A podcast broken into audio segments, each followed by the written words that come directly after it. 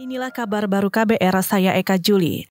Markas Besar Kepolisian mengaku kesulitan mengungkap kasus penyerangan terhadap penyidik senior KPK Novel Baswedan. Juru bicara Mabes Polri Muhammad Iqbal berdalih Polri tidak punya cukup alat bukti hingga menghambat kerja polisi menyelidiki kasus itu.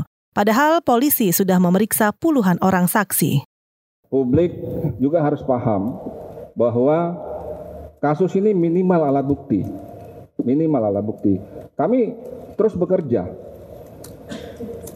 Teman-teman Polda Metro Jaya sudah memeriksa setidaknya 74 saksi dan melakukan 40 eh, wawancara pada 40 orang.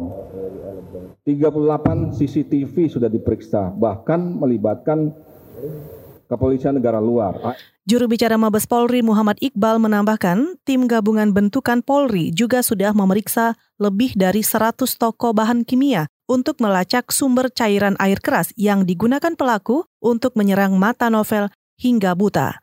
Iqbal meminta publik memahami banyak kasus-kasus lain yang tidak kunjung terungkap karena bahan bukti kurang. Kalangan pegiat lingkungan menolak rancangan undang-undang pertanahan yang saat ini sedang dibahas di DPR. Manajer Kajian Kebijakan Wahana Lingkungan Hidup Indonesia atau WALHI, Boy Evan Sembiring menilai rancangan undang-undang pertanahan tidak akan banyak berpihak pada masyarakat. Justru rancangan undang-undang itu dinilai bakal membuka peluang kejahatan korporasi. Di RU itu kan menentukan tuh ya, memperhatikan kondisi existing. Misalnya ada suatu perusahaan yang dia belum punya HGU, menguasai lahan sekian hektar gitu, beraktivitas dan uh, dan RUU itu mengatur dia bakal diberikan HGU dalam kurun waktu dua tahun beberapa tahun. Gitu. Nah sebenarnya ini kan undang-undangnya dia malah melegal, melegalisasi kejahatan yang dilakukan oleh korporasi gitu. Jadi kalau kita sikap kita di Walhi sih kita sih sebenarnya menolak dengan apa dengan substansi yang dimuat dalam RUU pertanahan. Gitu. Manajer Kajian Kebijakan Walhi, Boy Evan Sembiring, mendorong Presiden Joko Widodo menghentikan pembahasan rancangan undang-undang itu dengan menarik Menteri Agraria Sofian Jalil dari pembahasan di DPR. DPR RI periode 2014-2019 memasukkan rancangan undang-undang pertanahan dalam daftar program legislasi nasional. Rancangan ini ditargetkan selesai pada September mendatang.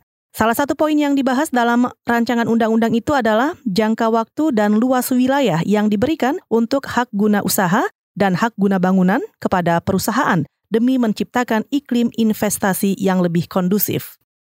Perdagangan indeks harga saham gabungan atau IHSG pagi ini dibuka turun 0,15 persen di level 6.385.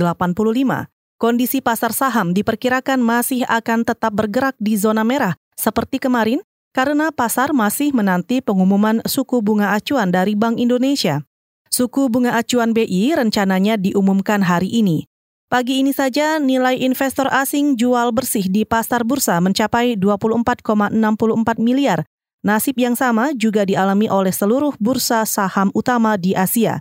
Pagi ini tidak ada satupun indeks saham Asia yang selamat dari zona merah.